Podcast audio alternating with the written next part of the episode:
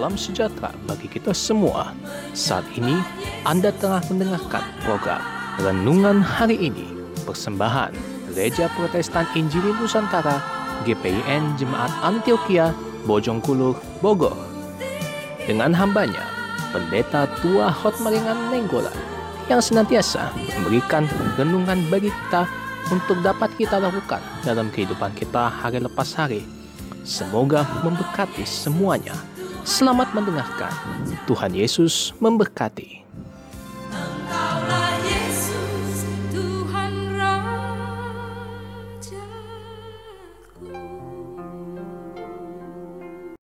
Selamat pagi jemaat Antioquia yang dikasihi Tuhan Yesus dan semua saudaraku yang mendengarkan program renungan hari ini.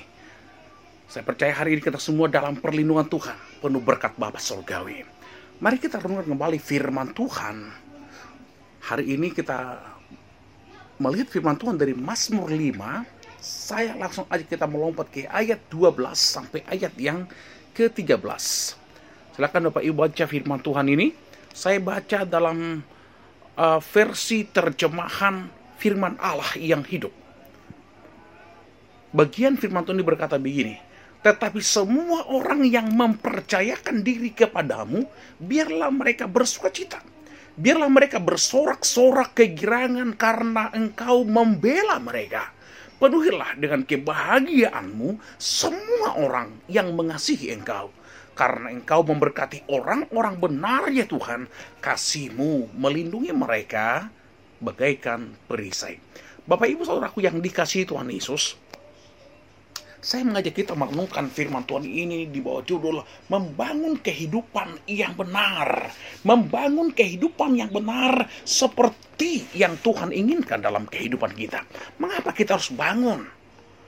Kehidupan yang benar itu ini sangat penting sekali lagi di tengah terjadinya kemerosotan, dekadensi kekudusan hidup, dekadensi kebenaran yang sesuai dengan kebenaran firman Allah, yang sesuai dengan standar firman Tuhan, seperti yang diinginkan Tuhan. Bagi banyak orang, kita anak Tuhan diminta oleh Tuhan untuk terus membangun kehidupan yang benar. Ada beberapa alasan Bapak Ibu Saudaraku mengapa kita harus terus membangun kehidupan yang benar itu. Yang pertama di ayat 12 bagian A, yang berlindung pada Tuhan akan bersuka cita. Dalam terjemahan firman Allah yang hidup tadi katakan, orang yang mempercayakan diri. Berlindung itu diterjemahkan dengan orang mempercayakan diri, meletakkan diri kepada Tuhan, mempercayakan hidup kepada Tuhan, bergantung total kepada Tuhan. Orang yang mempercayakan dirinya kepada Tuhan bersuka cita. Mau bersuka cita? Percayakan hidup kepada Tuhan. Yang kedua, yang mengasihi Tuhan bersukaria. Yang mengasihi Tuhan bernyanyi. Yang mengasihi Tuhan itu akan bersorak. Yang mengasihi Tuhan itu akan diperlihatkan dengan bagaimana mereka memuji-muji Tuhan. Mensyukuri, meresponi apa yang diperbuat oleh Tuhan. Yang mengasihi Tuhan dibela oleh Tuhan. Itu dalam terjemahan firman Allah yang hidup ya. Dibela oleh Tuhan. Yang ketiga, orang yang benar diberkati. Diberkati itu diterjemahkan dalam versi firman Allah yang hidup tadi dipenuhi dengan kebahagiaan.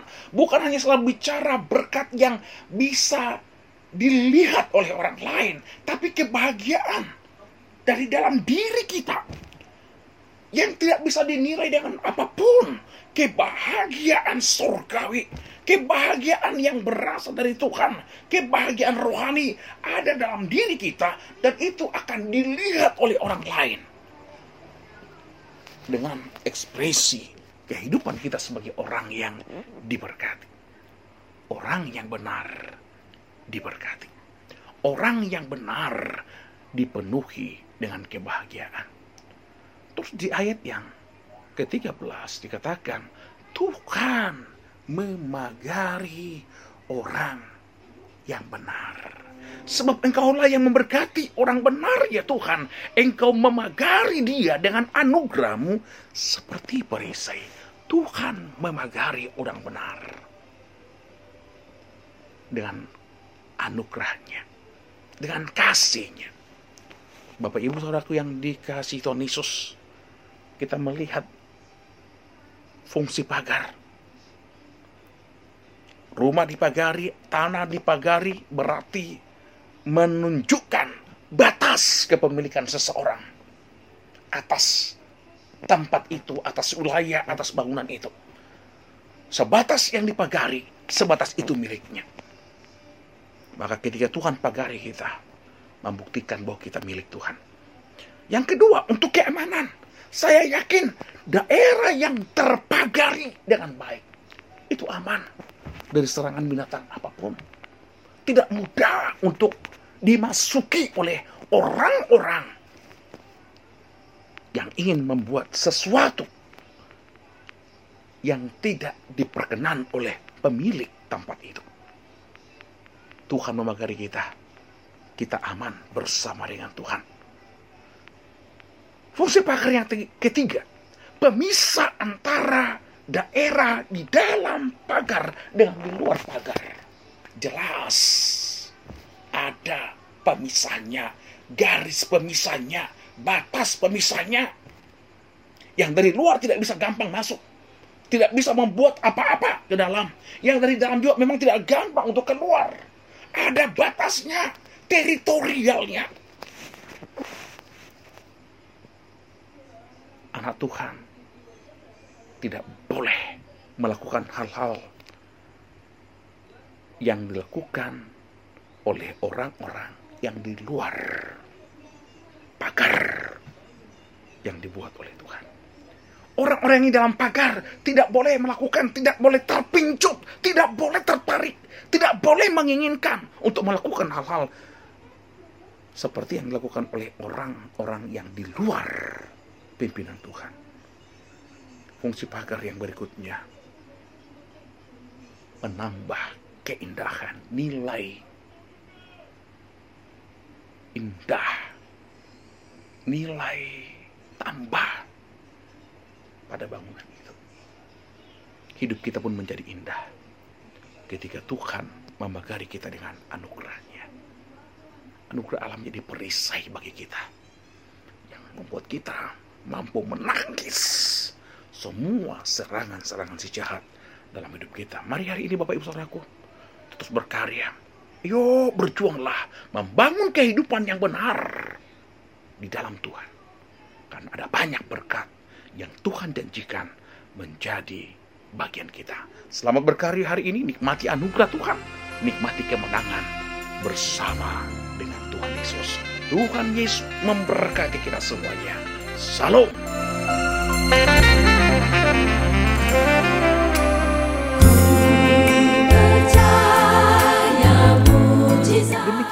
Renungan hari ini. Semoga memberkati kita semua.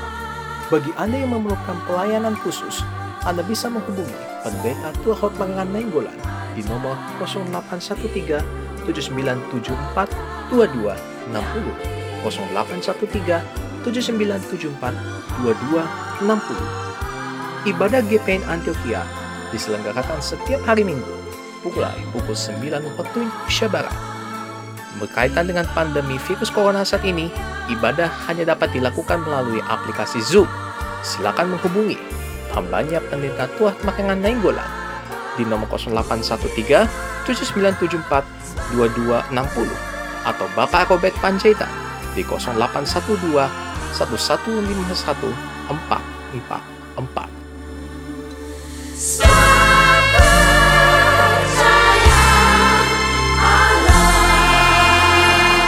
Selamat berkarya.